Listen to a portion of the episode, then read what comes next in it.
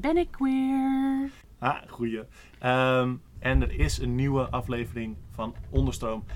Vandaag over gender, seksualiteit, trans, queer en meer. Veel plezier met de aflevering.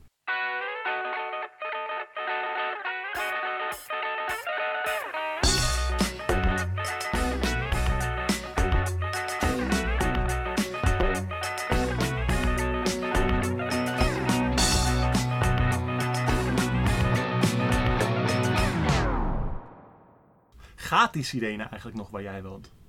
Hoor jij hem? Ik hoor hem zeker. Luid Ja? en duidelijk. Oké, nee, ik hoor hem eigenlijk nooit. Ik krijg heel soms een blauwe maand krijg ik een soort tv, te- telefoonmelding. Maar eigenlijk is het meer van, van horen zeggen. En van mensen die steeds dezelfde meme plaatsen over... Oh, dat ding gaat weer. Ehm, maar het is wel een ding. En de belofte die het in zich draagt is volbracht. Namelijk, het is de eerste maandag van de maand. Je bent dit ding aan het luisteren. En er is een nieuwe aflevering van Onderstroom. Maar wel met de bekendezelfde gast. Noah, leuk dat je er weer bent. Ja, dankjewel. Eh vorige keer dan eh, heb ik iets over feminisme verteld. Deze keer gaan we het over eh, net een andere tak van sport hebben. Maar het hoort ook een beetje bij elkaar. Mhm. Gender, seksualiteit. Wat is nou trans, wat is queer? Ik hoop dat ik zoveel mogelijk vragen kan beantwoorden. En eh, ja, ja, leuk om er weer te zijn. Eh, mijn voornaamwoorden zijn trouwens die en diens in het Nederlands. En in het Engels they en them. Ik ben zelf ook non-binair. En ik vind het interessant om te praten over deze onderwerpen. superleuk. Superleuk. En, eh, en ook heel fijn dat, eh, dat juist jij daar dan ook over kon eh, komen vertellen. Ik zeg dit eh, in mijn andere podcast eigenlijk niet. Ik gebruik eh, hij, hem. Ik ben hij, hem. Voor als iemand daar eh, een twijfel over had. Dus inderdaad, wat gaan we vandaag doen? Je zegt het al. De thema's uit de titel eigenlijk uitleggen in de basis. En daarna eigenlijk een aantal soort van vragen of kritische vragen, rechtse vragen. Een soort van talking points op rechts hierover beantwoorden, omdraaien en proberen makkelijke antwoorden daarop mee te geven. Dus eerst het eigen verhaal en daarna. Maar wat dan als die mensen dit zeggen? Of hoe zit het met, eh, met deze vraag of dit rechtse kader hierover? Het begin een aantal van die, van die concepten inderdaad over gender en seksualiteit. En sommige van jullie die luisteren, die kennen dat misschien allemaal al. Want het is natuurlijk een heel basisverhaal. Ik wil met Onderstroom graag heel veel van dit soort dingen van de grond af neerzetten. Als je dat allemaal kent, dan kun je ook gewoon doorskippen naar later in de aflevering, ongeveer halverwege, waar we dus meer ingaan op die soort van moeilijke of kritische vragen en eh, rechtse kaders die we willen omdraaien. Dat is dan misschien interessanter. Eh, als je het alsnog leuk vindt om te horen hoe Noah deze dingen met mij uiteenzet, dan kun je gewoon direct doorluisteren. En, eh, en ik hoor graag wat je vindt. Ehm, ik heb er heel veel zin in. Ik ook. Dus eigenlijk ben ik vandaag een soort queer mythbuster. Queer Mythbuster. Oké, oké. Ja, ja, Daar- sowieso. Ja, leuk, leuk. Hartstikke goed. En, ehm, maar, dus dat, dat is ongeveer wat we gaan doen. Maar om te beginnen, vind ik wel een goede ook, om even aandacht te vestigen op, nou, we hebben dus deze thematiek, gender en seksualiteit. Waarom is dit belangrijk? Waarom is dit belangrijk? Want, zeg maar, dit is ergens een soort wa- waarheid als een koe. Het gaat over iedereen. Maar bijvoorbeeld als we het hebben, zeg maar, gender en seksualiteit is niet de geldstroom waarmee fossiele brandstoffen betaald worden die onze planeet verwoesten. En gender en seksualiteit is ook niet zeg maar, eh, de autoritaire structuur van het bedrijf en dat de aandeelhouders alles bepalen en alles controleren, naar zich toe trekken en kapot maken. Het, het, het lijkt heel persoonlijk. En waar- waarom is het belangrijk? Het is zo belangrijk om het hierover te hebben, omdat het hier eigenlijk ook gewoon gaat over leven of dood. Daar komt het eigenlijk op neer. Want iedereen die geboren wordt, die wordt door een dokter of door de ouders of door de maatschappij in een bepaald hokje geplaatst, qua gender bijvoorbeeld. Er wordt waarschijnlijk een aanname gemaakt dat het om een heteroseksueel persoon gaat. En die hokjes, die zijn niet alleen beknellend, die zijn ook gewoon dodelijk. Als je namelijk niet in dat hokje past en je probeert jezelf te forceren om daarin te passen, of andere mensen, of de maatschappij probeert jou te forceren daarin te passen, dan kun je gewoon super heftige mentale problemen ont- eh, ontwikkelen. Mhm. Ehm, je hebt een hogere kans eh, dat er geweld tegen je gepleegd wordt. Ehm, niet alleen eh, dat je in elkaar geslagen wordt op school of op straat, maar ook bijvoorbeeld moord. Er is een hogere kans op misbruik.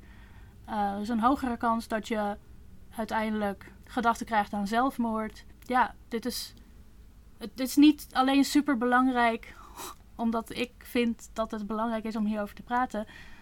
Dit gaat echt om leven of dood. En niet van één persoon of twee persoon, maar over heel veel mensen gaat dit. Ja, ja. De, groepen ook. Een soort van, als je zegt mensen die, die soort van niet binnen die standaard norm vallen. Dat, is, dat, zijn, dat zijn grote groepen mensen. Dat zijn soort van verschillende van die groepen zijn gewoon percentages van de hele wereldbevolking. Heel pijnlijk ook om hoe weinig trans mensen bijvoorbeeld oud worden, überhaupt. Ja, laten we ook vooral niet vergeten dat er ehm, in onze gemeenschap mist er gewoon een hele generatie. Mhm. Door de AIDS-pandemie. Ja. En dat vergeten sommige mensen nog wel eens. Er is gewoon een hele generatie die er niet meer is. Die gewoon weg is. Ja, ja. En wat we ook zien, zeg maar, nu is dit, dit, dit thema, dit, dit speelt heel erg. Allerlei uh, queer en trans uh, mensen, non-binaire mensen laten van zich, van zich horen en proberen een soort, een soort ruimte voor zich te maken. En daar, daar wordt heel heftig op, ge, op gereageerd. Um, en uh, rechts, reactionaire politiek probeerde dat echt weg te stoppen, te laten verdwijnen, dat dood te maken. En dat, dat gebeurt vaak, dat is in, in golven is dat gebeurd. Bij de Tweede Wereldoorlog ook. De, de, gewoon de originele nazi's, de, de nazi's in Duitsland. Als je het hebben over boekverbrandingen, dan ging dat over radicale theorie en over genderstudie. Over uh, klinieken en de kennis over hoe kun je, uh, hoe werkt gender en hoe is dat verander, uh, veranderlijk en ook hoe kun je mensen een soort van chirurgie, chirurgie geven of behandelen om, zodat ze zich beter in hun gender voelen in hun lichaam. Dat, dat, dat ging het bij de nazi's ook om en dat is een van hun, hun grote, grote thema's.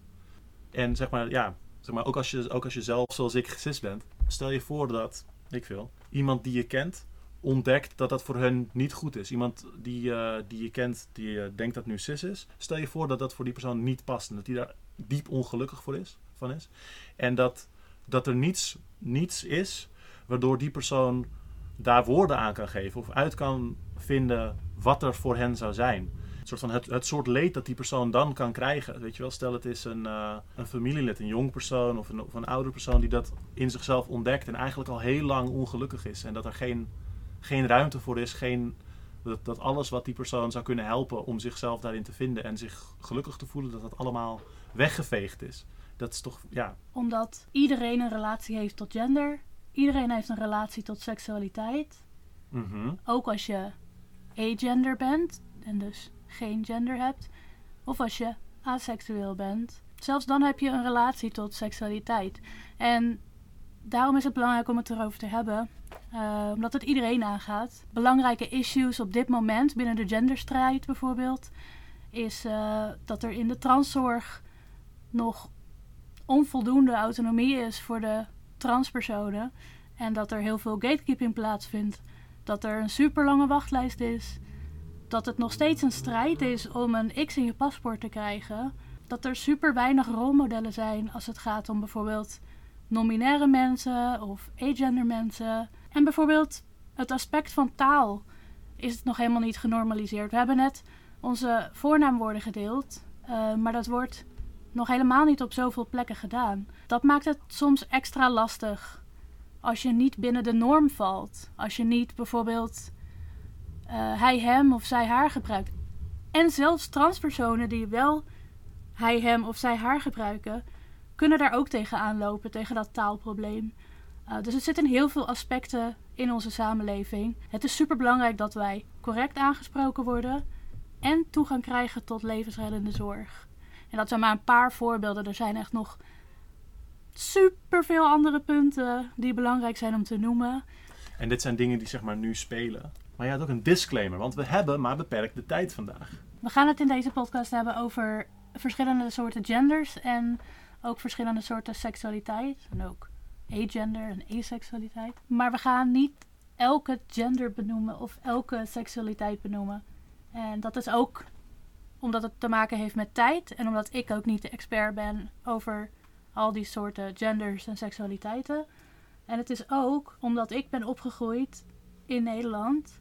En ik dus een bepaalde beetje eurocentrische blik heb, automatisch, op gender en seksualiteit. Wat niet betekent dat het alleen in Nederland een issue is, natuurlijk. Het is overal op de wereld een onderwerp. Uh, en overal in de wereld zijn ook bijvoorbeeld genders die wij in Nederland dan weer niet gebruiken of niet kennen. Bijvoorbeeld de Two-Spirit, die je bij veel indigenous groepen ziet in uh, wat nu de Verenigde Staten heet. De Hijra bijvoorbeeld. Er zijn zoveel voorbeelden te noemen van genders die niet man of vrouw zijn op de wereld. Um, maar die ik nu niet hier ga behandelen in de podcast. We gaan het hebben over een beetje de meer bekende genders zoals uh, cis, trans, non-binair, agender. Ja. Ja. Dus dat was de disclaimer. Ja, inderdaad. Dus als, als jou, jou, jouw gender er niet bij zit, dat is, dat is jammer. Um, uh, maar we proberen een, een, breed beeld uh, te, te, schetsen. Uh, maar zoek vooral andere dingen ook op. we gaan ook meer, meer bronnen bij de, bij de links plaatsen. dus blijf je vooral verder verdiepen.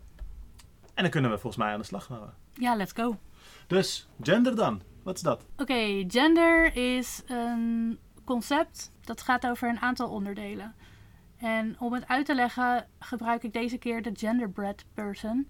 Dat is een plaatje en een uitleg dat je kan gebruiken om te praten over gender of om zelf te reflecteren op je gender. Het is een soort invulplaatje. Gender kan natuurlijk gaan over de uh, gender wat je hebt toegewezen gekregen bij je geboorte. En dat is meestal man of vrouw of eventueel intersexen. dat is één aspect.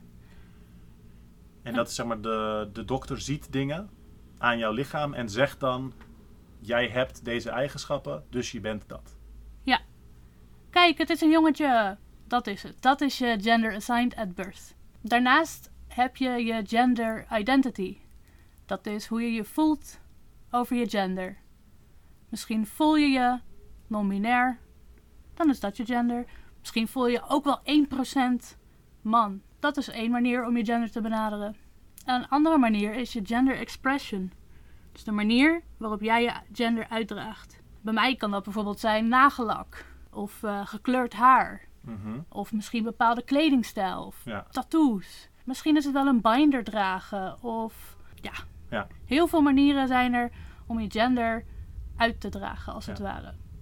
Ik vind dat wel grappig, omdat ik, zeg maar, voor mijn gevoel, zeg maar, ik doe dit heel erg. En mensen die mij zien, die lezen mij altijd als man, voor zover ik weet. En ik doe heel veel dingen qua hoe ik me toon. Maar voor mijn gevoel ben ik niet heel bewust bezig mijn gender uit te dragen. Ik bedoel, ik heb gewoon uh, t-shirt, broek, uh, sportschoenen, uh, whatever. Maar als ik iets zou dragen dat daarvan afwijkt, dat ik bijvoorbeeld heel erg met een ander gender associeer, dan merk ik dat meteen. Dan denk ik, ja, dat ga ik niet doen of zo. Ik zou niet zomaar, ik zou niet voor mezelf een handtas kopen en die de hele tijd gebruiken. Omdat dat voor mijn gevoel niet past bij mijn gender expression. Hoewel ik zelf voor mijn gevoel niet heel bewust mijn gender aan het, aan het doen ben, doe ik dat wel en dingen er niet in passen. Ook al is het maar een soort een, een, een dansbeweging dat ik dacht van oeh, dat voelt eigenlijk niet helemaal mannelijk. Dan kun je dat voelen. Dan voel je daar vanuit zelf een soort reactie voor. Ik heb dat in ieder geval altijd. Ik vind dat heel grappig. Ja, en daarom is het ook zo lastig te bevatten, hè, gender. Want het is echt hoe je je erbij voelt. En waar je je wel oké bij voelt en niet oké bij voelt. En dan daarbovenop zit nog een laag dat ik bijvoorbeeld de kleur van jouw t-shirt kan interpreteren als echt de meest non-binaire kleur die er bestaat. Terwijl als jij hem interpreteert, dan interpreteer je hem misschien als de meest mannelijke kleur die er bestaat. En zo gaat het ook over verschillende dingen. Er zijn mannen die super mannelijke nagellak hebben. Mhm. Eh, als ik nagellak draag, dan denk ik, nice, ik ben op een top fan. Het is zo vatbaar voor interpretatie. En er zijn zoveel opties. Dat vind ik echt vet aan gender. Ja. Anyway. Ja. en dan staat er bij de genderbread person anatomical sex. Ja. Daar gaan we het wel even over hebben. Want mhm. het is wel relevant om het kort te benoemen.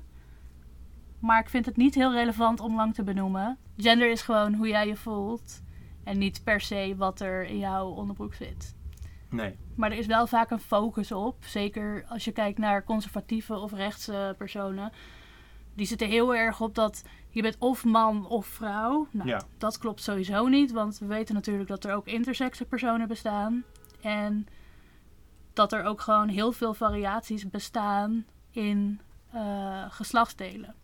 Want mensen zeggen, zeg maar, je hebt, je hebt mannen en vrouwen. Maar dat, dat, is, dat, is, dat is veel breder dan dat, toch? Ja, het is veel breder. Er zijn superveel verschillende uiterlijke geslachtskenmerken. Je kan niet zeggen dat er maar twee versies bestaan, want er bestaan heel veel meer. En als voorbeeld wil ik ook uitleggen dat ons wordt aangeleerd dat er qua chromosomen twee opties zijn. Namelijk XX, dat is dan een vrouw, en XY, dat is dan een man. Dat zijn de twee opties qua seks karyotypes. Maar in werkelijkheid heeft een onderzoeker, Dr. Shay Akil McLean, eh, laten weten dat er meer dan 10 verschillende variaties bestaan. Dus naast XX en XY bestaat er ook XXI, XXXI, XIII, XO en XOXX. En ga zo maar door. Dus het idee dat er maar twee types zijn in die chromosomen klopt gewoon niet. Maar en dit ons... zijn juist die soort van die heel wetenschappelijke, lichamelijke dingen. Die soort van heel harde... Ja. Dit is wat tussen haar de biologie zegt. Ja, als we het hebben over, over geslachtsdelen en zo, Ja, dan gaat het heel snel over. Ja, maar er zijn twee opties, want er zijn twee sex karyotypes. ja. Eh, en dat is XX en XY. Maar dat is dus niet zo. En daarnaast zijn chromosomen natuurlijk ook niet alles, want je hebt ook gewoon een gevoel over je gender en dat is leidend. precies. Dus er- er zijn... Mensen hebben allerlei lichamelijke eigenschappen. Maar gender is hoe je je voelt. Ja. Over in relatie tot deze thematiek. Ja. Ja, precies. Klopt. En dus gender is sociaal, wat je zegt. Er zijn genders die in een bepaalde cultuur bestaan die andere mensen helemaal niet kennen. Ja, klopt. Er zijn vast nog honderden genders die ik ook niet ken.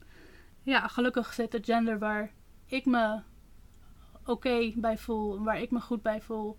eh, daar wordt steeds wat meer over gepraat. In Mhm. Nederland in ieder geval. Zullen we een paar genders afgaan dan? Oké, nou, om te beginnen, begin ik met transpersonen. Transpersonen zijn mensen die door de dokter een gender aangewezen hebben gekregen. Bijvoorbeeld vrouw of meisje. En zich daar niet oké bij voelen en zich identificeren met een ander gender of met geen enkel gender. Daarnaast hebben we cispersonen. Mhm. Dat is eigenlijk het tegenovergestelde van trans. Dus trans tegenovergestelde van cis. Cispersonen hebben ook een gender bij de geboorte aangewezen gekregen. Bijvoorbeeld man. En die voelen zich op dit moment ook man. Dus dat is hetzelfde. Ja. Dus dit is het grote verschil tussen cis en trans. Ja. Niet zo ingewikkeld. Ja, en dat, eh, dat is bijvoorbeeld, bijvoorbeeld voor mij, ik ben dus cis. Ja. Toen ik geboren werd, zei de dokter, dit is een jongen. En dat hebben mensen altijd tegen mij gezegd. En voor mij is dat prima. Er zijn stukken van, zeg maar, de stereotypen en het, het eh, weet ik veel, eh, dat, dat rolmodel man en wat we elkaar aanleren, dat niet allemaal goed is, dat echt heus niet allemaal past. Maar over het algemeen voel ik mij gewoon man en vind ik dat prima. En dat maakt mij cis. En dat is niet iets slechts. Dat is geen scheldwoord of wat dan ook. Dat is gewoon wat voor mij past. Ja. En dus een transpersoon is maar, iedereen die eigenlijk iets anders is dan wat, wat, wat, wat mensen standaard over je zeggen. Wat de dokter aanwees in binnen een binair systeem. En dat. Dat klopt. Het is ook een overkoepelende term, trans. Transvrouwen en transmannen. Je hebt ook transpersonen die non-binair zijn, bijvoorbeeld. Dat is dan het derde, dat is dan het derde woord eh, wat ik wil noemen. Ja, Dus non-binaire mensen die identificeren zich niet met de binaire opties man of vrouw. Dat is de hele uitleg. Sommige non-binaire personen identificeren zich als transpersoon, sommige niet. en maar non- non-binair. Kun je daar iets meer over vertellen? Hoe, wat, wat is dat? Het betekent dus eigenlijk dat je je niet comfortabel voelt in die twee normen, die twee hokjes, die best wel door de maatschappij op je worden gedrukt. Dus ik heb best wel lang mijn best gedaan om een vrouw te zijn. Mhm. Maar om eerlijk te zijn moet ik toegeven dat dat gewoon niet oké voelde. Het is niet mijn genderexpressie, het is niet mijn genderidentiteit, mijn genderervaring. En toen dacht ik, oké, dus dat is het niet. Mhm. Is het dan man, de, de andere optie, die goed vertegenwoordigd is in de maatschappij, zou ik zeggen? Eh, het- antwoord daarop is nee, ook niet man. Dan zou je nog een andere kant op kunnen gaan van ben ik dan bigender, hè, dat ik meerdere genders heb? Of ben ik agender, dat ik geen gender heb? Voelde ook niet helemaal goed toen ik daarover aan het nadenken was en aan het lezen was. Uiteindelijk kwam ik terecht bij non-binair. Dat is dat ik niet pas in die twee vakjes van man en vrouw. Mhm. Ehm, dat ik ook niet een derde optie ben overigens. Sommige mensen die vinden dat wel Mhm. eh, prettig. Voor sommige mensen is die derde optie dan hun gender. Mijn optie is geen van dit. Niet in het binaire systeem. Oké. En bij, bij mannen heb je dan een idee van...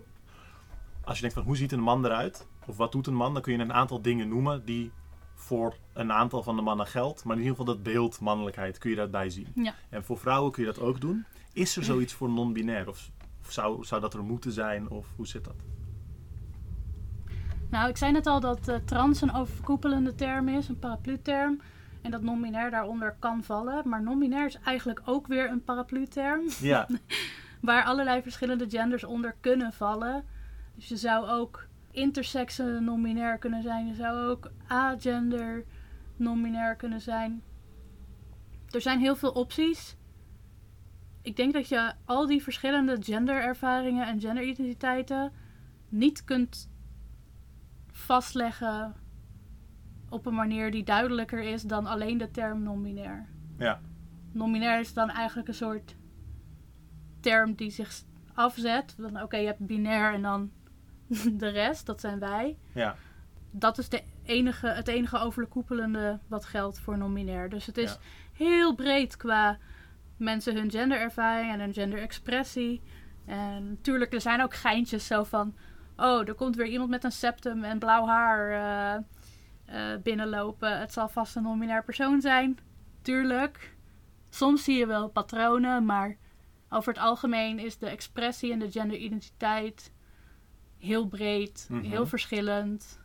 Ehm, eigenlijk net als bij bijvoorbeeld cis-vrouwen. Want er zijn ook heel veel verschillende soorten cis-vrouwen qua Ja. genderexpressie. En dat je er anders uitziet maakt je niet minder een cisvrouw. Net als dat je minder non-binair maakt. Om er, weet ik veel. Ja. Oké. En agender dan? Hoe zit dat? Volgens mij noemde ik het net al eventjes, maar Ja. Agender of agender betekent dat je je niet identificeert met welke gender dan ook. Dus al die opties die er zijn, die zijn in ieder geval niet voor jou. Dus je neemt eigenlijk afstand van eh, de genderopties die gepresenteerd worden. Sommige mensen voelen zich daar prettig bij. Precies. Ehm, dus bij een soort afwijzing, soort van voor mij. Ik voel er eigenlijk soort dat je er geen connectie bij voelt eigenlijk, met niks.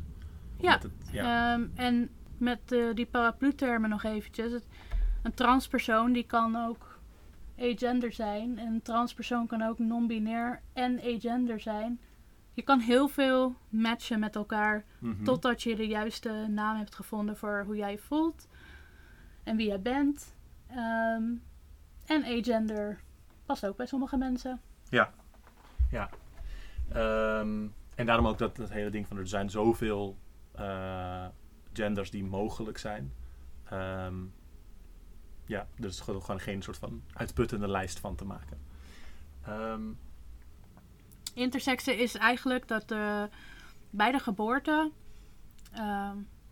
blijkt dat een babytje verschillende geslachtskenmerken heeft, ofwel inwendig ofwel uitwendig, of dat er verschillende hormonale of chromosomencombinaties zijn die niet vallen binnen de vakjes man en vrouw, eh, maar een combinatie daarvan zijn of een mix daarvan zijn. Mhm. Ehm, deze mensen worden vaak zonder consent geopereerd, zodat ze passen in één van de twee vakjes.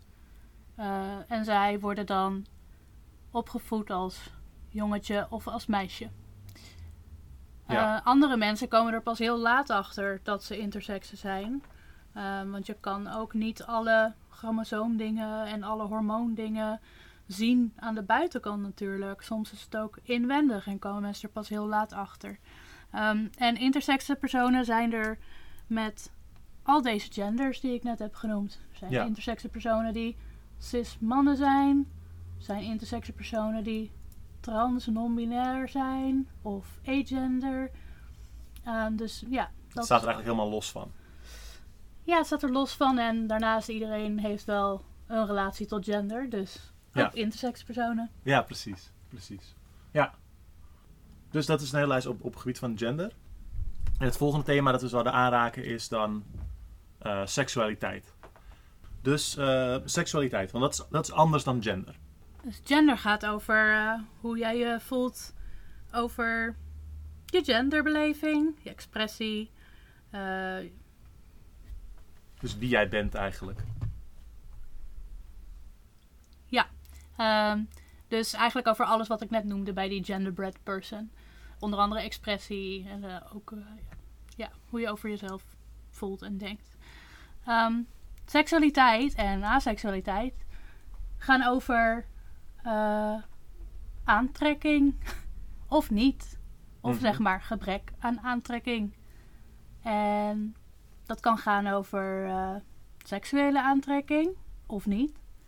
Het kan ook gaan over romantische aantrekking bijvoorbeeld. Ja. Of niet. En er zijn ook gewoon al hele uitbreidingen te vinden over verschillende soorten seksuele aantrekking.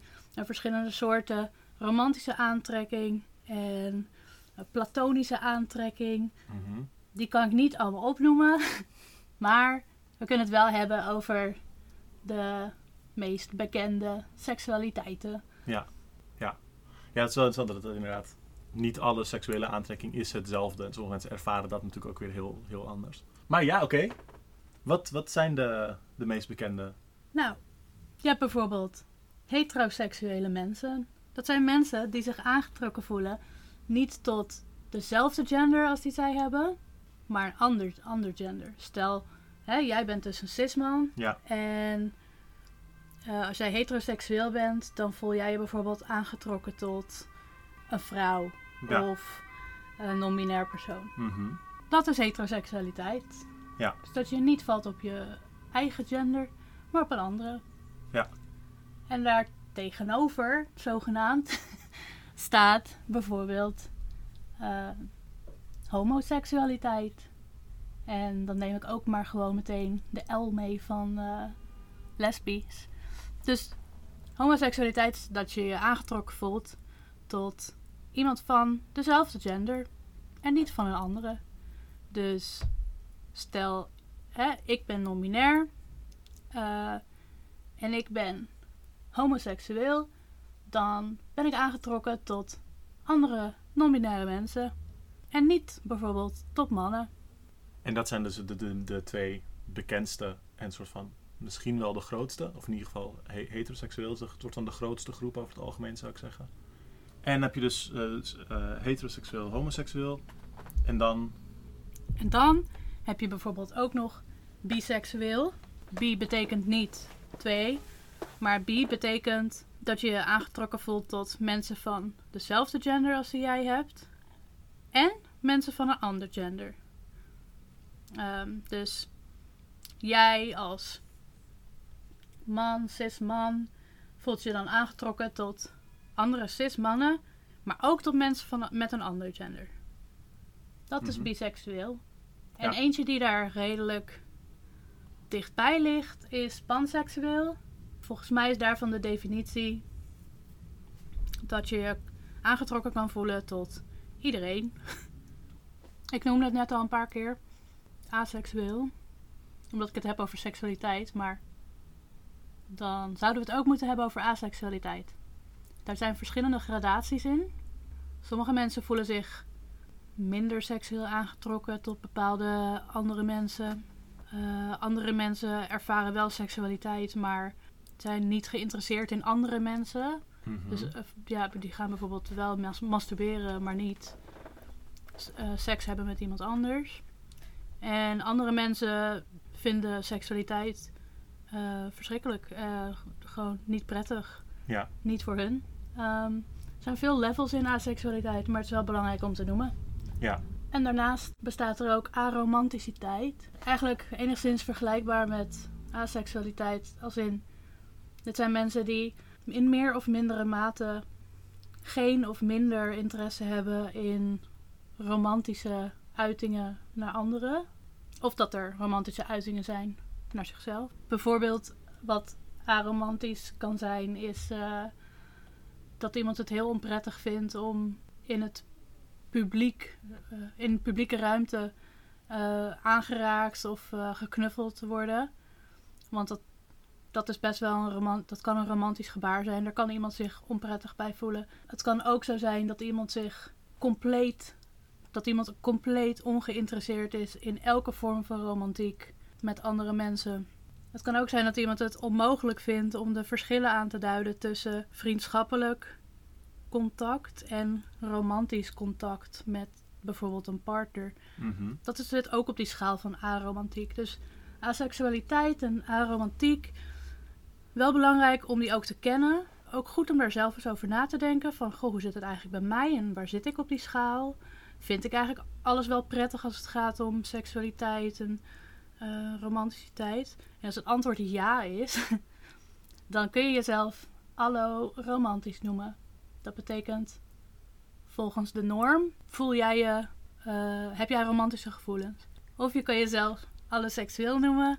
Ja, dan uh, heb je dus volgens de norm seksuele gevoelens naar jezelf en andere mensen.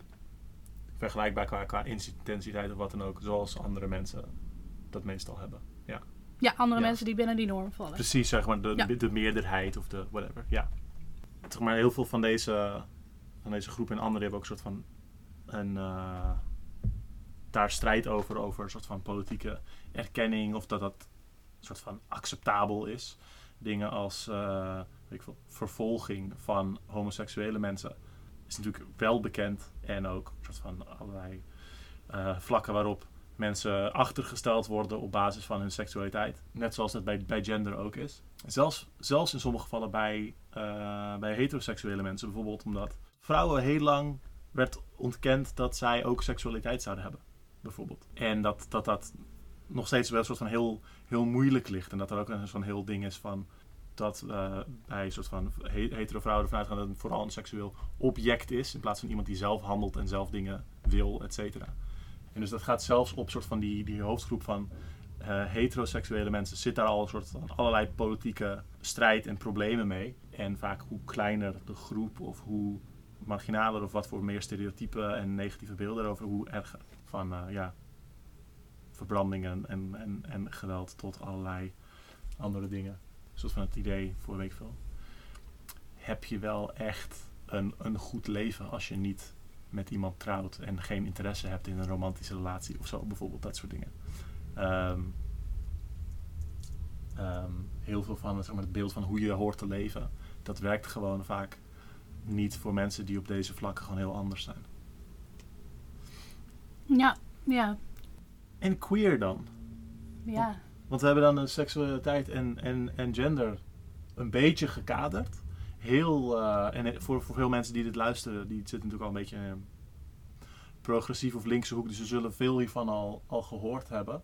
Um, en, uh, en gender wordt natuurlijk ook veel, veel dieper nog uitgedikt in heel veel, heel veel bronnen. Maar wat is dan queer? Queer is overal. Queer is namelijk, het kan iemands gender zijn. Iemand kan zich identificeren als, ja, mijn gender is queer. Eh, het kan ook iemands seksualiteit. het kan ook iemands seksualiteit zijn. Ehm, dus queer kan ook een seksualiteit zijn.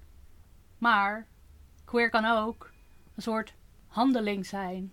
Of een soort ja, werkwoord. Je kan ook iets queeren.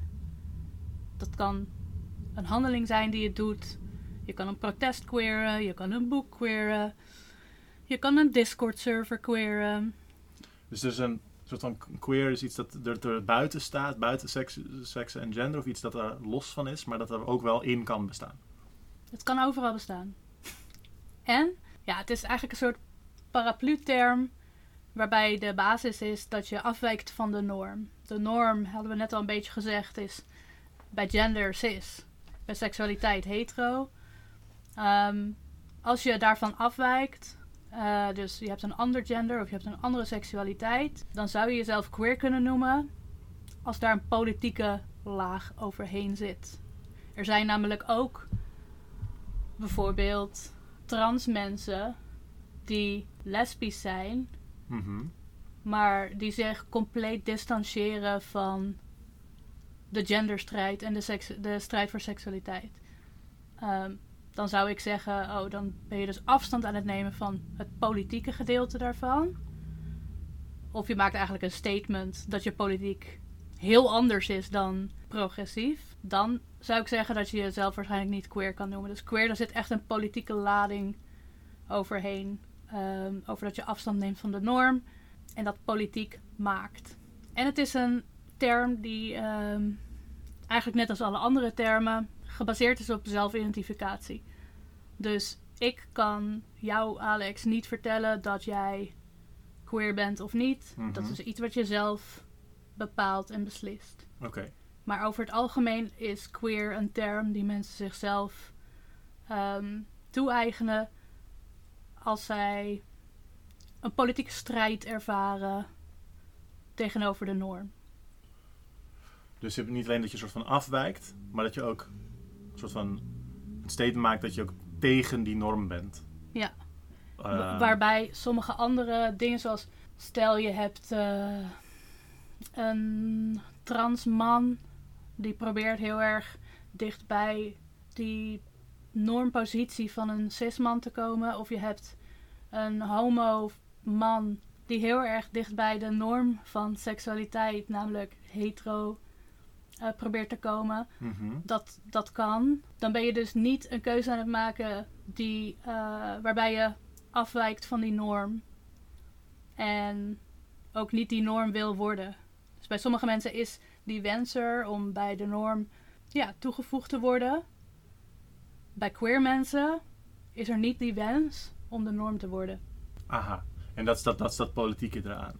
Ja. Dus, ik als queer persoon, ik ben non-binair en ik zou nooit dezelfde status willen behalen als non-binair persoon als een cis persoon. Dat is niet mijn wens. Ik ben non-binair en daar laat ik het bij. Ik ga niet mijn best doen om het trappetje omhoog te klimmen, de, de ladder omhoog te klimmen, om zo net zoveel bij de norm te horen als een cis persoon. het is een bepaalde houding tot soort van wat je wil dat gender doet. Ja, een, eh, een voorbeeldje hiervan is bijvoorbeeld ehm, Chris Jenner is een transvrouw. He- Heel erg recht, conservatief. Maar goed, is een transvrouw. Aan alles kan je zien dat zij probeert dezelfde norm te bereiken als cisvrouwen.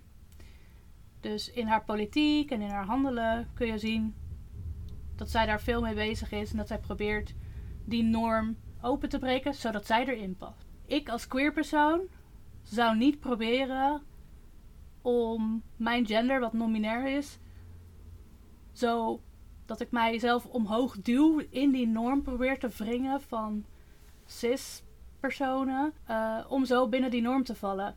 Ik denk dat dat een groot verschil is en ik denk dat daar een verschil in zit qua queerness. Iemand als Chris Jenner, Die zou zich waarschijnlijk ook geen queer noemen, nee, omdat die ambitie er niet is. Precies. Die De is. ambitie is om binnen die norm terecht te komen. Ik zou mezelf wel queer noemen.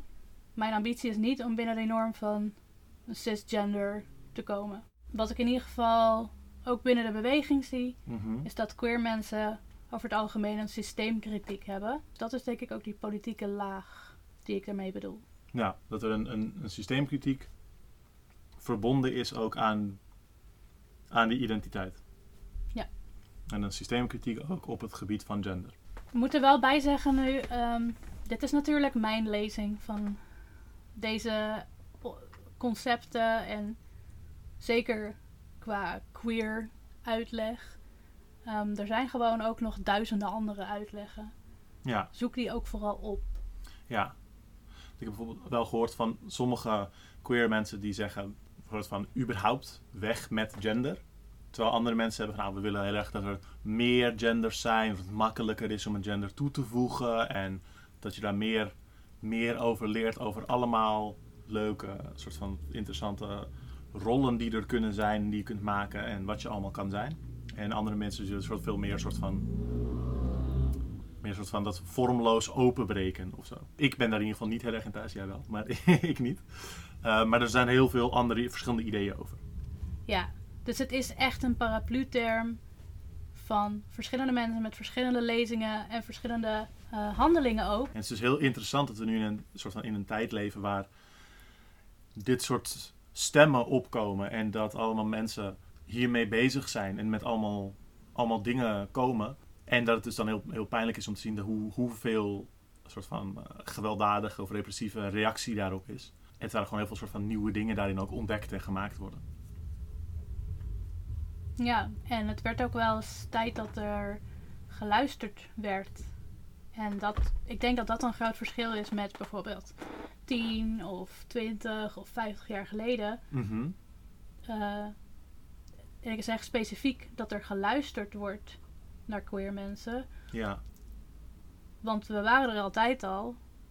Um, alleen het was ofwel te onveilig, ofwel mensen luisterden niet. Maar queer mensen hebben altijd al gesproken. Ja. Ja. Ja, precies. Soort van, ik karakteriseer het nu net alsof, alsof mensen net pas aan het, aan, het, aan het praten waren. Maar dat is natuurlijk niet het geval. Er is, er is een soort beweging waarin dat meer onder de aandacht komt. En waardoor het een bepaalde vaart nu heeft of zo. Maar ja, queer, non-binair, non trans mensen zijn er van altijd, altijd geweest. De term queer is dan nieuwer. Maar mensen hebben alle, altijd allerlei genders gehad. En ook allerlei soorten repressie op allerlei momenten daarvan ondervonden. Ja, het is vooral dat, omdat er nu een soort van meer over te horen is. En misschien meer aandacht voor is. Dat het dan opeens duidelijker is dat de repressie ook op deze groep gericht is. Terwijl eigenlijk dat gewoon altijd al, al was. Tenminste in sommige plekken minder dan anders. Maar in de moderne tijd in het Westen is dat steeds heel erg geweest. Ja, dat is wel een goede om daarbij te, te houden. Ik had een keer zo'n strip uh, gelezen online. Dat was uh, volgens mij, uh, heet het Assigned Male at Birth. En in die strip was zo dat, dat een, de, de, hoofdpersoon, een soort van de schrijver in stripvorm, die dan zo heeft over, deze, over trans- en queer strijd. En dat een, een, een homoman karakter tegen hem zegt: Ja, kijk, ja, in de jaren 60 waren wij in de boord en nu is het, is, nu is het gewoon jullie beurt. Ja, dat is een beetje hoe dat zo loopt met die, met die protestdingen. En dat hij zegt: Nee, kijk, het is de hele tijd al onze beurt geweest. Alleen nu worden we ook deels gehoord en daardoor is, komt het in beeld. Maar het is nooit niet de beurt van trans mensen geweest, in die zin. Ja, en uh, je kan ook wel zien op sommige punten dat er een spanningsveld is ontstaan tussen, zeg maar, als je de LHBTQIA voor je ziet, tussen de LH en de rest. Waarbij sommige homo's of uh, lesbiennes een bepaalde ja, status hebben bereikt of een be bepaalde acceptatie. Ja, of bij de norm zijn gekomen, gedeeltelijk of helemaal. En vervolgens de rest van de strijd laten vallen. Of ja, gewoon verder gaan met hun leven alsof er verder niks meer aan de hand is. En dat spanningsveld, dat zie je op een paar plekken nog wel terug. Ook wel in Nederland. Een voorbeeld hiervan is... In 2001 was het voor homokoppels legaal om een kindje te adopteren. Dat is supergoed natuurlijk. En dat is iets dichter bij de norm die heterokoppels uh, hebben. Wel extreem recent nog, heel laat, holy shit. Maar ja. 2001, ja. Ja, toch? Ehm, dus dat was de strijd die er was qua same-sex couples. Ja. Ehm, dan waren er ook nog de trans mensen die verdorie tot 2014 gevoor Gedwongen of verplicht. die tot 2014 eh, gedwongen, verplicht gesteriliseerd zijn. Eh, dat was een voorwaarde van de Nederlandse staat als zij hun eh geslachtmarker in hun paspoort wilden aanpassen. Dat betekent dat is een overlap van drie, eh 13 jaar. Hè? Dus 2001 tot 2014, waarin het gaat over een vergelijkbaar onderwerp, namelijk vruchtbaarheid en kinderen en eh, het recht om een gezin te hebben. Eh, waarbij dus homokoppels dat recht hebben verworven en er actief door de Nederlandse staat zijn best werd gedaan om trans mensen onvruchtbaar te maken. 13 jaar. En het was dus als, ze als, in, als iemand trans is en in hun paspoort de, het, het, eh, de marker voor geslacht wil aanpassen van eh, een soort van wat ze assigned at birth waren, mannelijk of vrouwelijk, naar een X of zo. Dat het dan verplicht sterilisatie moest ondergaan. Dat klopt. Ehm, Dat is verschrikkelijk, echt. En eh, dat is tien jaar geleden. en dat is precies Help. 5000 euro waard. Eh, ze hebben namelijk wel eindelijk te horen gekregen dat ze een schadevergoeding hiervoor krijgen. Die schadevergoeding is 5000 euro voor een systematische poging om trans mensen niet te laten voortplanten. Dat is heel schandelijk. En hier zie je dus een spanningsveld waarbij sommige mensen bepaalde rechten verwerven en andere mensen bepaalde rechten wordt afgenomen. Hmm. Ehm, dat is niet de enige manier waarop het spanningsveld bestaat, maar het is echt Dat is gewoon- het is schandalig. echt verschrikkelijk, ja. En ook inderdaad als je kijkt hoe die dingen naast elkaar staan. Ehm, en dat je dus ook wel een soort van... Wel eens dingen ziet ehm, die heel specifiek soort van de LHBTI-AQ... LHBTIQA ehm, op te breken. Dat je... eh, en dat zijn vaak zo'n rechtse, rechtse groepen die dan zeggen dan LHB zonder T. Dat soort, dat Ja. soort shit. Ja. En dus dat, ja, queer gaat daar eigenlijk heel erg tegenin. Ja. ja. Uiteindelijk kunnen we hier nog veel langer over praten. We hebben deze thema's eigenlijk net maar, net maar aangeraakt. Maar voor nu hebben we deze neergezet. Dan gaan we het hierna hebben over een aantal soort van rechtse vragen of kritische vragen of kaders die vanuit rechts of vanuit fascisten hierover worden eh, neergezet en wat, wat daar tegenin te brengen. Zullen we dat gewoon gaan doen, Noah? Ja. En kijk, dit zijn rechtse vragen. Moet er wel nog even bij zeggen dat ook bijvoorbeeld, eh, weet ik veel, je tante of eh, iemand op je werk zo'n vraag zou kunnen stellen. Het komt wel uit een rechtsnarratief, maar het wordt eh, best wel makkelijk overgenomen door mensen. En ook sommige van die vragen zijn gewoon normale vragen waar rechts gewoon een heel sterk narratief over begint. En dus dan zit het daarin en krijgen mensen hun kant vaak eerder te horen dan de onze. Maar het is niet erg als iemand dit vraagt of zo. Eh, soms zijn het ook gewoon, ja. Ehm, vaak zijn die dingen op een bepaalde manier gekaderd, maar het is, goed om daar open over te kunnen praten. Het zijn voorbeelden die we zo gaan noemen van eh, vragen die mensen stellen. ehm, die eigenlijk gemaakt zijn door alt-right om schade aan te richten bij trans en queer mensen. En mensen met andere genders en seksualiteiten. Ehm, want alt-right heeft altijd een soort zondebok nodig om te kunnen functioneren. Ehm, en om hun cultuuroorlog te kunnen voeren. En trans en queer mensen zijn, eh, zijn nu de zondebok hierin.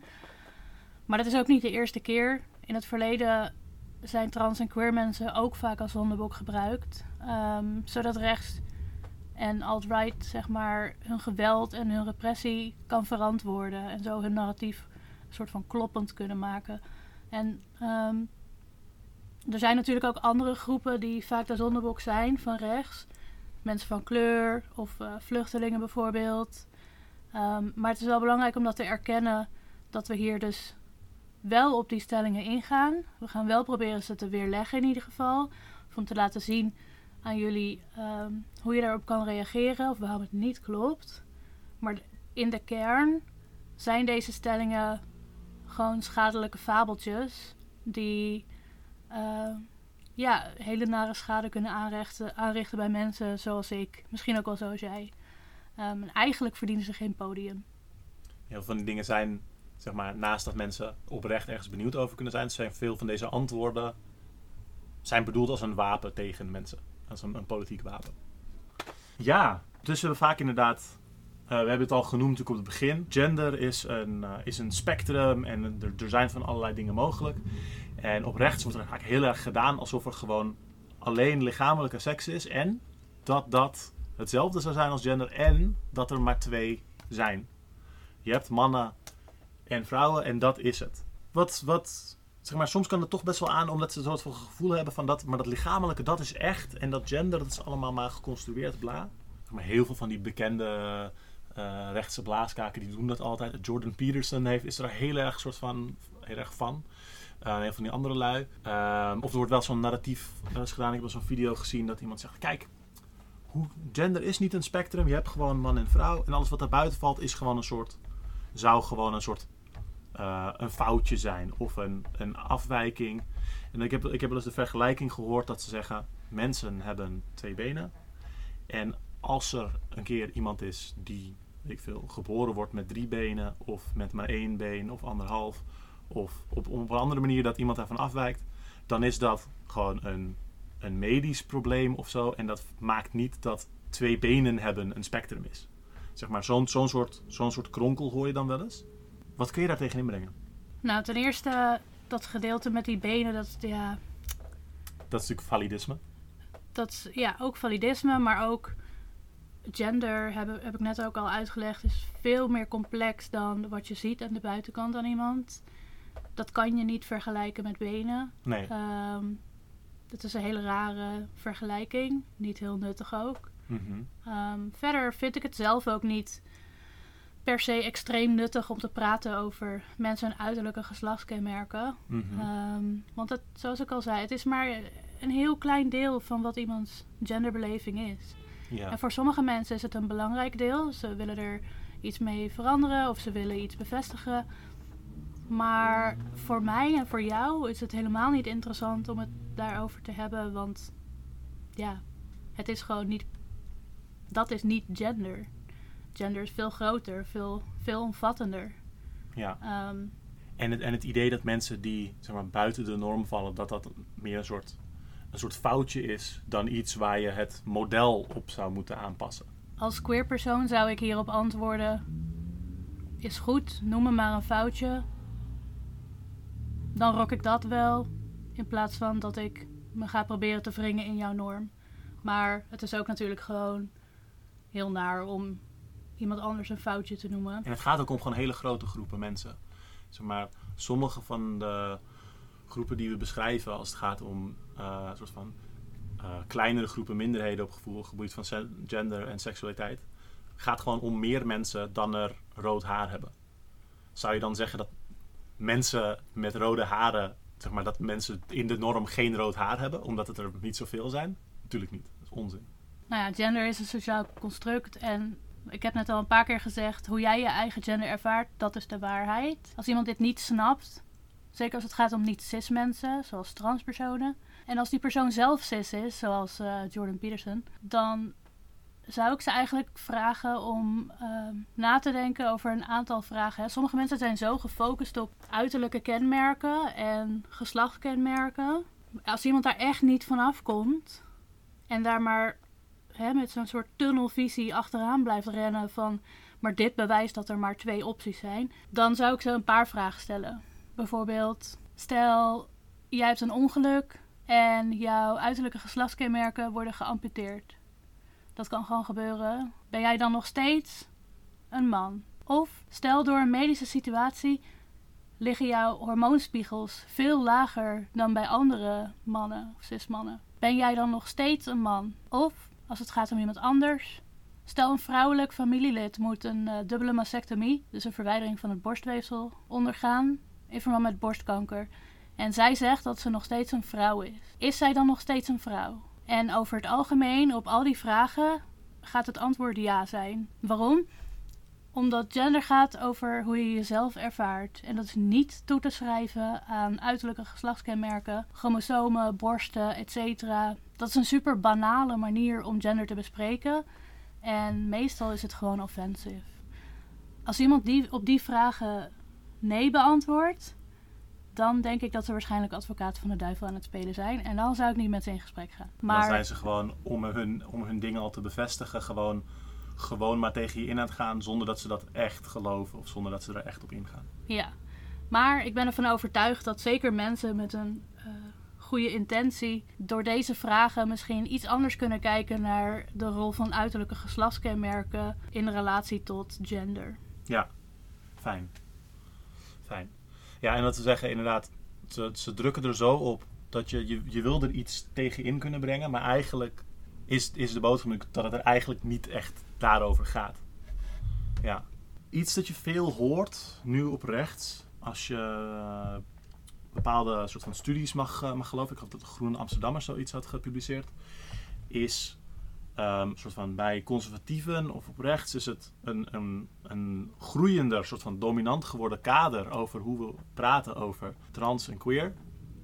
Dat het iets is dat wordt opgedrongen vanuit een bepaald soort agenda. Wat, wat zou je daarover zeggen? Nou, wat ik erover zou zeggen is dat er eh, in ieder geval voor zolang ik leef eh, extreme onderrepresentatie is van transpersonen bijvoorbeeld, of queerpersonen, Mhm. of eh, ja, ace en aro personen. Er is een eh, bizarre overrepresentatie van eh, heteroseksuele cispersonen. Dus ik zou zeggen dat het juist omgekeerd is. Dat er jarenlang zoveel nieuws, tv, onderzoek en alles is gedaan gericht op able-bodied, witte, cis mannen die heteroseksueel zijn, dat het nu wel eens tijd wordt voor een andere stem. Ja. Ja. En dat is ook, zeg maar, in je, als je kijkt naar je eigen leven, een soort van. Iedereen wordt gewoon geleerd dat ze man of vrouw zijn. En dat zit in alles. En zeg maar, als we het hebben over opdringen, dan moet je eens kijken naar de, de aparte supermarktvakken voor mannen, voor eh, jongensvruchtensap en meisjesvruchtensap. Ja, dit is echt iets wat al begint voordat een kind überhaupt geboren is. Mhm. Eh, wat voor eh, kleurtje kleding moeten we kopen voor de newborn baby? En dat gaat gewoon je hele leven lang door. Er ligt zoveel focus op. Ja. Het is gewoon offensive eigenlijk. Ja, terwijl, zoals je het zeg maar, zegt, dat je ook kunt zien in, in, in andere culturen of eh, vroeger in Europa ook. Mensen met andere genders dan man en vrouw hebben altijd bestaan. En dat is juist onderdrukt en een soort van uitgewist, weggehaald. En nu zitten we in een, in een tijd dat dat weer een beetje soort van terugkomt, weer zichtbaar is. Maar dat is eigenlijk een soort van het openbreken van een veel beperkter beeld dat ons opgedrongen wordt. Meer een, een soort vrijer maken daarin. Dan dat, eh, dan dat het opgedrongen wordt. En er is ook niemand die zegt iedereen moet trans worden. Er is niemand bezig iedereen non-binair te maken. Niemand mag cis zijn of wat dan ook. Niemand is daarmee bezig. Het gaat om dat, dat mensen kunnen zijn wat ze, wat ze zijn. Precies. Maar het heeft natuurlijk wel een politieke kant. Het zorgen dat er dingen, dat mensen het kunnen hebben over andere genders, is iets politiek dat, dat onze beweging probeert neer te zetten. En daar, daar zit een strijd in. Eh, en het feit dat ons de hele tijd eh, soort van genderbinaire dingen worden neergezet, is, is, is ook politiek. En dat zijn gewoon verschillende politieke stromingen die in conflict zijn. Maar trans mensen en non-binaire mensen zijn er gewoon altijd geweest. Ja. Een andere vraag die ik, die ik toevallig in, in persoonlijke interactie wel eens heb meegemaakt is: waarom moeten andere mensen, bijvoorbeeld eh, cis mensen of heteroseksuele mensen, ook over deze dingen horen of daar lastig mee gevallen worden, dus tussen haakjes? Mensen die hier behoefte aan hebben, die kunnen gewoon lekker met hun onderling een praatgroepje doen. En de rest van de mensen hoeft er toch niks over te horen. Waarom worden we er mee lastiggevallen, zogenaamd? Zeg maar zo'n soort, zo'n soort vraag, zo'n soort frustratie of zo'n soort. En dat, dat is natuurlijk, zeg maar, zo, zo moeilijk is het niet. Doe rustig aan. Maar, zeg maar, zo'n soort gevoel. Wat, wat zou je daartegen zeggen? Van laat ze het lekker in eigen kring regelen, soort van. Ja, dat is eigenlijk gewoon een manier van je kop in het zand steken en doen alsof er niks aan de hand is, terwijl de rest van de wereld gewoon doorgaat. Ja, Ehm, en als jij niet alleen de mensen om je heen en de mensen in het nieuws of op tv, maar ook jezelf beter wil leren begrijpen, dan kun je ook je kop uit het zand halen en het gesprek aangaan. ja. ja en het is, ook, het is ook heel vals eigenlijk. Het is heel vals, omdat heel veel mensen gewoon bezig zijn om soort van uit te vinden wie ze zijn.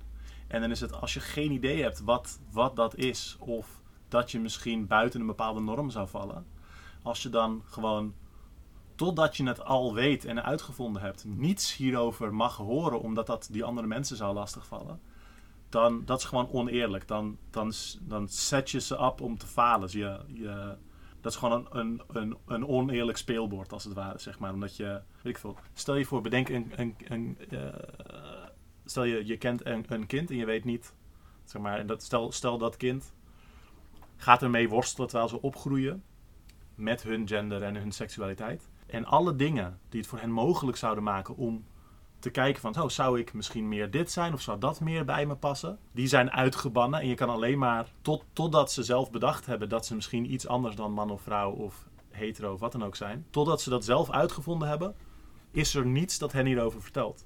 Dat is, dat is gewoon compleet oneerlijk. Mensen die opgroeien, het is gewoon belangrijk dat zij kunnen, kunnen weten dat er anderen, dat ze van alles zouden kunnen zijn. En dat dat goed is. Dat dat prima is, dat het acceptabel is. Dat het ene niet beter is dan het andere. En dat je, ja, dat je jezelf, jezelf kunt ontdekken. En als, weet ik veel, wat mensen dachten dat je was niet helemaal bij je past. Dat dat kan gebeuren en dat het oké is. Want anders komen de mensen er alleen maar achter nadat ze al heel veel leed en pijn hebben gehad. Plus dat andere mensen dan leren dat het niet oké is om die dingen te zijn. Waardoor geweld tegen die mensen waarschijnlijk alleen maar doorgaat. Maar misschien is het ook beter voor de mensen die wel meer binnen de norm vallen. Als er ook meer hierover geleerd wordt. Toch? Is het niet ook goed? Want het- is toch ook goed voor mensen die wel meer binnen die norm vallen. Cis mensen, hetero mensen, et cetera. Als er meer openlijk en vrijheid wordt gesproken over eh, ja, verschillen in gender en seksualiteit. En hoe dat een spectrum is en allerlei, op allerlei manieren uiting kan hebben. Ja, zeker. Ik denk dat het leren eh, over gender en seksualiteit en ook het reflecteren richting jezelf daar, daarop, dat het iets is waar iedereen baat bij heeft. Want het geeft je ook iets meer beweegruimte en iets meer de mogelijkheid om te kiezen voor wat er echt bij jou past. In plaats van dat je maar opvolgt wat er voorgeschreven wordt door de maatschappij of door de art, dat je zelf die keuze mag maken. Ehm, die autonomie is denk ik voor iedereen heel belangrijk. Ook al kom je uit op cis en hetero, kan het alsnog heel erg nuttig zijn om daarop te reflecteren zelf.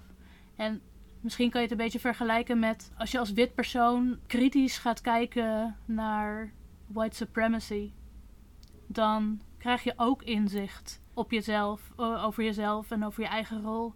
En als een cis man het patriarchaat kritisch gaat bestuderen, dan krijg je ook meer inzicht in jouw rol in het patriarchaat en jouw verhouding tot feminisme. Dus ik denk dat dat zeker waardevol is.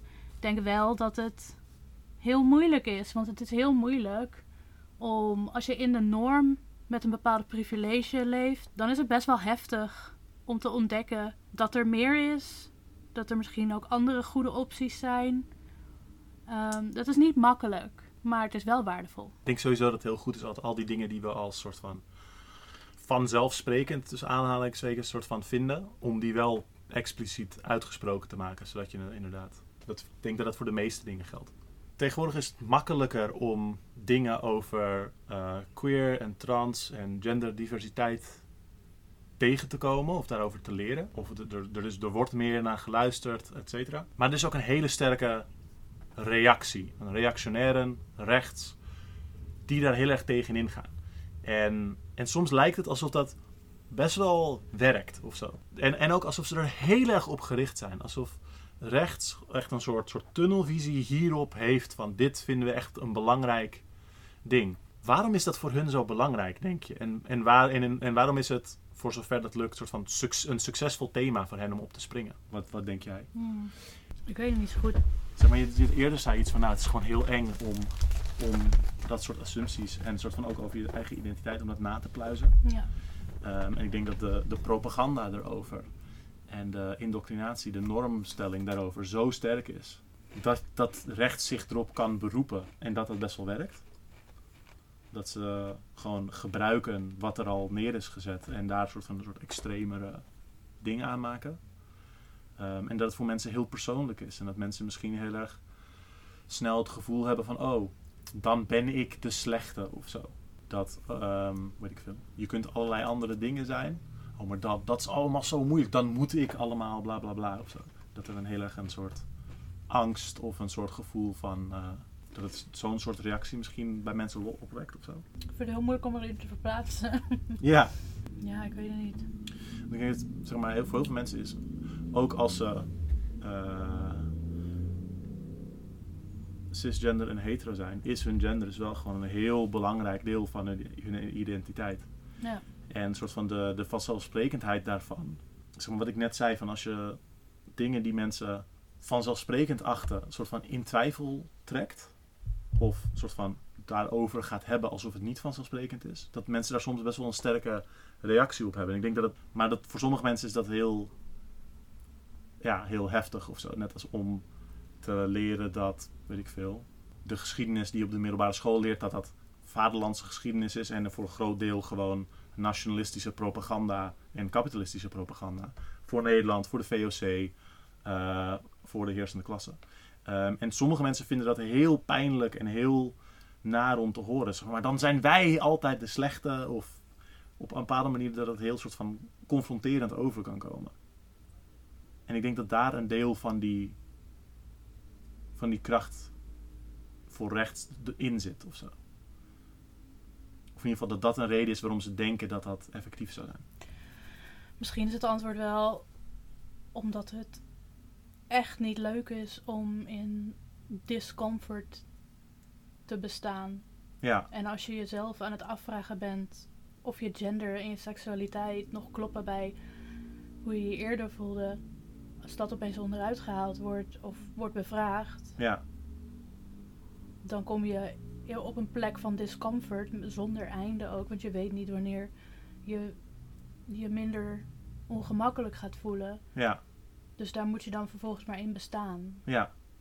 Ja. En dat ik, misschien is daar ook een ding dat als je mensen hierover spreekt, dat je hen ook een soort van ergens gerust kan stellen. Van als jij je daarmee goed voelt, dan is dat, dan is dat prima, weet je. Het is prima als je cis bent. Alleen omdat je nu een keuze hebt, betekent niet dat je alles overhoop moet gooien. Of dat je hoeft, of dat je iets anders hoeft te kiezen dan wat je impliciet tot nu toe soort van gekozen hebt. Of wat voor jou gekozen is. Als jij er goed bij voelt, is dat gewoon goed. Dat is prima. En hier iets over leren betekent niet dat wat je tot nu toe was slecht is. En hierover leren betekent ook niet dat je dan opeens allemaal problemen met je identiteit gaat krijgen. Dat komt niet op doordat je hierover leert. Als, het, als je identiteit, je genderidentiteit niet iets, iets anders is dan wat je dacht, dan ging je daar sowieso last van krijgen. Of je nou dit kader daarvoor krijgt of niet. Sterker nog, als je dat wel hebt, dan kan dit kader helpen. En dat is misschien eng. Maar als jij gewoon tevreden cis bent, dan verandert dat niet als je hierover leert. Ja, en iets wat misschien ook wel helpt, is, dat heb ik eigenlijk nog helemaal niet genoemd, zowel gender als seksualiteit is super fluïde. Dus als je je op dit moment op een bepaalde manier ehm, identificeert qua gender en over drie weken of morgen identificeer je je anders, dat kan gewoon. Niemand gaat je tegenhouden in principe. Mm, Niet de queer mensen in ieder geval. En misschien helpt het ook wel juist voor mensen om te weten dat gender en seksualiteit niet per se vaststaan. En dat je ook gewoon mag veranderen. Je mag ook terug naar iets waar je je vorig jaar prettig bij voelde. Dat kan gewoon allemaal. Mhm. De hokjes zijn minder vast. Ja. ja, interessant om over na te denken, toch? Ja. Iets wat, eh, waar we een beetje aangestipt hebben, zijn mensen die op seksualiteit en gender een soort van bepaalde thema's proberen aan te spreken, maar heel erg trans en queer dingen daarbuiten proberen te houden of daar specifiek tegenin gaan. En ik denk dat over het algemeen niet soort van oprecht soort van progressieve of linkse of queer lui zijn, zeker niet queer lui, die dit doen. Maar mensen die soort van proberen een deel van die groepen te, te gebruiken tegen eh, specifiek eh, trans en queer mensen. Ehm, om gewoon te zorgen dat niet, niet soort van dit, om die solidariteit af te breken. Ehm, en dat, ik, ik verwees eerder naar bijvoorbeeld groepen rondom met een term als eh, LHB en of, ja, eh, LHB zonder T of zo. Wat je nu soms hoort is eh, over zogenaamde turfs. En die gaan heel erg uit van een soort van vrouwen tegen trans thematiek. Soort van. Wat, wat is dat, Noah? Ja, wat je hier eigenlijk ziet is een soort verlengstuk van de disclaimer die ik net gaf. Ja, Namelijk dat trans mensen en queer personen ehm, als zondebok worden gebruikt. ja, eh, als tool in de strijd voor andere dingen. Ehm, dat zie je zowel bij alt-right als bij de turfs. En dat is niet toevallig, omdat de turfs vaak ook alt-right zijn. Ja. T-E-R-F. Het staat voor Trans Exclusionary Radical Feminists. Dit zijn geen feministen. Dit zijn ook geen radical feminists. Deze naam hebben ze gekregen. Ehm, maar het zijn zeker geen feministen. Het zijn conservatieve, alt-right vrouwen, cis-vrouwen. Die eigenlijk ja, andere groepen als zondebok gebruiken. En ja want de, de term zeg maar, suggereert dat ze op een bepaalde manier een eh, radicaal feminist zouden zijn die trans mensen daarvan uitsluit. Ja. Maar wat je in de praktijk ziet is dat de mensen die dit doen fascisten zijn of heel close met fascisten en nazi's samenwerken en vooral een soort van proberen om te organiseren onder vrouwen of het beeld van vrouw te gebruiken als, eh, als een slachtoffer dat aangevallen wordt door deze zondebok van transthematiek, genderideologie, queer, etc. Een soort van het neerzetten van vrouwen als slachtoffer van deze andere groep. En daarom soort van ook daarmee een soort van de term feminisme proberen soort van op te breken of af te pakken. En heel erg de transthematiek als een dreiging, bedreiging voor, voor vrouwen te zien. ja, en er is ook nog een soort eh, afsplitsing hiervan, die ook wel relevant is om te benoemen. Swerves. Eh, dat zijn sex worker exclusionary radical feminists. Zij gebruiken dus sekswerkers eh, als zondebok. Eigenlijk op dezelfde manier als eh, turfs trans mensen als een zondebok gebruiken. Dus deze twee termen hebben allebei hun eigen dog whistles, hun eigen Ja. herkenbare dingetjes die je telkens terug ziet komen. Ja, pas ervoor op. En, en kun je misschien iets zeggen over waarom, of soort van. Want het, het, is, het, zeg maar, het zijn geen oprechte argumenten in deze zin. Er wordt, er wordt geprobeerd om een bepaalde groep als slachtoffer te gebruiken en actief soort van te betrekken tegen een zondebroekgroep trans mensen. Om dat hele soort van eh, gender en seksuele diversiteit en trans mensen specifiek soort van weer weg te stoppen. Zodat, eh, zodat daar niets meer mee hoeft. En, en zodat die standaard soort van eh, heteroseksuele binaire gendernorm terug neergezet kan worden. Dus het zijn niet, meestal niet echt soort van oprechte argumenten. Maar ze worden wel bedacht om mensen te overtuigen. Zou jij wat dingen kunnen noemen waarvan zeg maar wat geclaimd wordt? Hoe, op wat voor manier gesteld wordt dat trans mensen een bedreiging voor vrouwen zouden zijn? Of voor de positie van vrouwen? En hoe, zou- en hoe dat niet klopt. Zou je een paar van die soort van argumenten die ze wel soort van gebruiken kunnen noemen? En waarom die dan niet kloppen? Ja, je hebt bijvoorbeeld dat eh, deze turfs eh, zeggen dat iedereen zomaar in, eh, in de vrouwenkleedkamer kan komen en naar de vrouwenwc kan gaan als transvrouwen gebruik maken van de wc of van de kleedkamer voor Ja. vrouwen. Ja, ik vind dit soort onderwerpen super oninteressant, want come on, iedereen moet pissen. Het is gewoon een vrouw die naar de wc gaat en vervolgens weer weggaat. Ja, ja, Eh, voor de een of andere reden bestaat er een soort idee dat vooral trans vrouwen een bedreiging vormen voor het bestaan van die vrouw, van cisvrouwen. ja, Maar het is echt bijzonder ondreigend. ja, ja. ja. Er zijn ook helemaal geen ident, gewoon een soort van indicaties dat transvrouwen vaak andere vrouwen aanvallen of zo.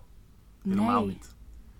Helemaal niet. Sterker nog, er zijn voldoende verhalen van dat transvrouwen onjuist bejegend worden wanneer ze naar het vrouwentoilet willen gaan. Extreem veel, ja. Ja. Ja. Laat staan dat ze naar de mannentoilet zouden moeten. Dat, dat klinkt echt extreem veilig, bijvoorbeeld. Ja, Ja. Dus er zit ook heel erg dat idee in dat iemand dan zomaar zich even voor de gein of om iets uit te halen dan als vrouw zal identificeren. Om even naar die wc te mogen en dan daar gebruik van gaat maken en iemand iets gaat aandoen. Ja, kijk, als iemand iemand anders wil aanvallen, dan gebeurt dat wel. Daar hoef je niet voor, voor zeg maar, te zeggen dat je trans bent. Nee, Die optie is er altijd, namelijk. ja, Ook voor cis mensen. ja, Wel of niet trans zijn, heeft denk ik bijzonder weinig te maken met hoe gewelddadig iemand is. En ook iemand die zich niet vrouw voelt. Zeker als iemand gewoon zich heel erg cis-man zou voelen. En gewoon, tussen haarlangs, gewoon naar zo'n ruimte zou willen om daar vrouwen aan te vallen. Die gaat, die gaat echt niet zomaar zich identificeren als vrouw. Die heeft dat niet nodig om, om kwaad te, te kunnen doen. Maar dat die genderidentiteit, veel mensen voelen dat, voelen dat zo, zo sterk. Die gaan echt niet zomaar allerlei soort van hun genderexpressie heel erg veranderen daarop of zo. Dat hebben ze niet nodig, maar dat zouden ze ook niet zomaar doen. Dat is een heel raar schrikbeeld. Ja, klopt. En misschien leidt dat ook wel tot een ander voorbeeld, namelijk het detransitionen. De transitie is een proces waar een transpersoon doorheen gaat. Dat kan zijn, of dat is eh, mentaal, dat is sociaal, dat is maatschappelijk, dat is soms ook, dat is soms ook medisch. Het detransitionen wordt soms gebruikt door turfs om te zeggen, ja, Wat is detransition? ja, detransitionen betekent dat je teruggaat in het proces van transitie. Dus stel je voor, je hebt mentaal en sociaal en medisch wat procedures doorlopen om in, eh, in transitie, door transitie te gaan. Detransitionen is dat je dat weer gaat ontdoen. Dus dat betekent dat je Bijvoorbeeld, je was vroeger zei de dokter, jij bent een vrouw en je bent daarmee opgegroeid, maar je bent dat niet. Het voelde niet goed en je ging in transitie. Ja. En je bent een, een transman. Ja. En dan is een detransition is dus dat je dan terug zou gaan, toch weer vrouw. Ja, dus dat je die transitie gaat opheffen, die veranderingen probeert terug te draaien. Ja, dus dat, dat bestaat. Dat wordt een beetje door turfs gebruikt als soort van... Ja, maar je krijgt spijt als je in transitie gaat. Want ja, ik ken een detransition persoon. En nee, je gaat echt spijt krijgen. Het percentage van mensen die spijt krijgt van de medische transitie voor transpersonen. Top surgery bijvoorbeeld. De bottom surgery bijvoorbeeld. De hoeveelheid mensen die daar spijt van krijgt is echt nihil. Tuurlijk zijn er mensen, voor verschillende redenen. En die mensen worden eigenlijk als een soort van knuppel gebruikt door turfs. Ja. Om andere trans mensen mee te slaan. Wat echt verschrikkelijk is. En Eh, dat, dat nihil, dat is ook, zeg maar, dat is echt vele malen minder dan mensen die gewoon, weet ik veel, spijt krijgen dat ze ooit aan hun knie geopereerd zijn omdat ze een, een blessure hadden, maar wat het misschien niet helemaal goed ging of zo. Ja, zeg maar, echt- gewoon hele standaard operaties hebben vaak veel hogere percentage spijt dan de transition. Ja, klopt. Dus dit is gewoon, ja, dit is gewoon verdeel en heers. Het is gewoon bepaalde mensen gebruiken om, eh, om, om trans mensen mee te slaan. Heel naar trucje. En er wordt ook heel veel gebruikt om een soort van te doen van, oh ja, weet ik veel. Mensen kunnen niet zelf bepalen, want ze gaan spijt krijgen. Dus een beperkt aantal professionals moet de, de enige zijn die kan bepalen dat iemand daadwerkelijk in transitie kan gaan. Bijvoorbeeld. Of dat iemand daadwerkelijk hun, hun, hun gendermarkering op het paspoort kan aanpassen. En het wordt vaak een soort van feminisme ook genoemd, maar het zit, zeg maar, die mensen zijn verder nooit met feminisme bezig alleen met trans mensen slaan.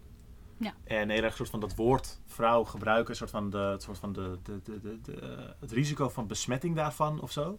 Maar dat zit ook heel erg in dat, voor mijn gevoel, en dat, ik weet niet of jij dat herkent, in dat heel conservatieve beeld van een, een vrouw als een, een object om te beschermen en een, eh, een slachtoffer van dingen. ja, meer een schat om te, te veroveren dan een actief persoon die zelf dingen doet en wil. Ja, misschien is dat het wel inderdaad. Ja, ik weet, ik weet niet hoe deze mensen denken, joh. Hmm. Come on. En het is maar bijvoorbeeld, er zijn wel een aantal bekende, bekende mensen die dit aandragen, meestal in een soort van anglofone wereld. Ehm, en het probeert soort van in Nederland voet aan de aarde te krijgen. Was onlangs was er een, eh, een demonstratie waar een aantal eh, turfs eh, sprak. Met veel grotere tegendemonstraties. Allemaal super vette, strijdbare mensen. Queerbeweging en mensen die gewoon solidair met hun zijn. Eh, die met vele malen meer waren. Zoek maar op. Purple Shield Collective heeft er een aantal leuke, leuke posts over. Maar ook, eh, ook een aantal andere. Waar je ook, ook ziet inderdaad dat er van een, een paar vrouwen. En meestal voor de- verder gewoon heel duidelijk. eh, allemaal soort van skinhead nazi-mannen erbij. En ook vrouwen die gewoon in Nederland gewoon bekend zijn van gewoon met klassieke nazi-clubs als voorpost actief zijn, et cetera. Gewoon, die gewoon niks met feminisme te maken hebben. Gewoon extreem typisch. Ehm, en daarom is het ook zo van, het is een thema, dus ik, ik wou het erover hebben zodat, je, zodat we een soort van bepaalde antwoorden daarop makkelijker kunnen neerzetten. Maar eigenlijk wil je er ook niet meer, meer ruimte aan geven, omdat het, eh, omdat het gewoon echt bullshit is. Ja, en eigenlijk, ik moet eerlijk zeggen dat ik zelf eh, geen interacties heb met turfs, eh, voor zover ik weet. En ik zou ook alle mensen willen oproepen die hier dan naar luisteren. Als jij zelf niet direct geraakt wordt door eh, dit soort kleedkamer, detransition-achtige rare verhalen van turfs. Als je daar zelf niet door, direct door geraakt wordt, spreek je dan uit. Weerleg deze argumenten. Ja. Praat met andere mensen die dit soort bullshit horen. Zodat ze beter kunnen begrijpen wat hier wordt gezegd. eh, en door wie het wordt gezegd. Zodat trans mensen dat zelf niet constant hoeven te doen. Ja, en dat is ook op, op- opnieuw, als iemand die daar, die zelf niet door geraakt wordt, als je daar soort van voor opkomt, dat heeft vaak gewoon heel veel, eh, heel veel effect. Een cisman met een soort van pittig lage stem die dit soort dingen zegt en daarvoor opkomt, het maakt echt heel veel uit. Maakt echt heel veel uit. Ja. Ehm, er zijn tegenwoordig af en toe demonstraties voor bijvoorbeeld eh Transzorg Nu en andere dingen. Transzorg in Nederland gaat gewoon heel, eh, is gewoon heel slecht geregeld. Extreem lange wachtlijsten, et cetera. Wanneer dit uitkomt, is er waarschijnlijk onlangs weer een demonstratie geweest. Eh, hopelijk zijn er niet veel nodig, eh, maar waarschijnlijk komen ze wel. Hou ze in de gaten. Ja, heb je nog dingen om verder te noemen voor mensen? Eh, dingen waar mensen informatie kunnen vinden of groepen waar ze bij aan de slag zouden kunnen. Ja, Transzorg Nu natuurlijk. Die eh, organiseren verschillende acties in het land. Niet normaal, asterisk. Volgens mij zijn zij vooral in Utrecht actief. Mhm. Eh, demo's, feestjes. En dan Black Queer and Trans Resistance. Die zijn volgens mij vooral in Amsterdam. Ja, alle drie hele coole organisaties. En, eh, en we zullen ook in de, in de show notes wat, eh, gewoon wat, wat bronnen en wat accounts, content creators toevoegen, et cetera. Ja, fijn. Heb je nog afsluitende gedachten? We hebben hier nu een tijdje gezeten. Afsluitende gedachten. Nee, deze queer is moe. Hm. Dat was het. Dat was mijn afsluiting. Er gebeurt heel veel op dit terrein. En heel veel mensen zijn er allemaal dingen over aan het, eh, aan het zeggen. En er, rechts is in heel veel dingen lijkt soort van in, in opmars, et cetera. Maar het is echt heel vet wat, eh, wat mensen op dit terrein hebben bereikt. En ehm, als, als activist ben ik altijd heel erg gericht op... Oh, maar deze dingen gaan allemaal, allemaal slecht, et cetera. Maar ik denk ook dat eh, voor, eh, voor heel veel mensen, ook mensen die zelf helemaal niet eh, activist zijn, ook gewoon, weet ik veel, mensen met gewoon een hetero gezinnetje en zo, dat veel van deze dingen echt veel normaler zijn, zijn geworden vergeleken met vroeger.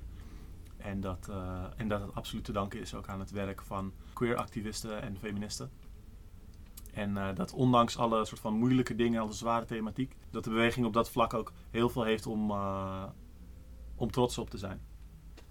En ehm, de strijd gaat door, maar, maar ja, we komen er wel. Zeker.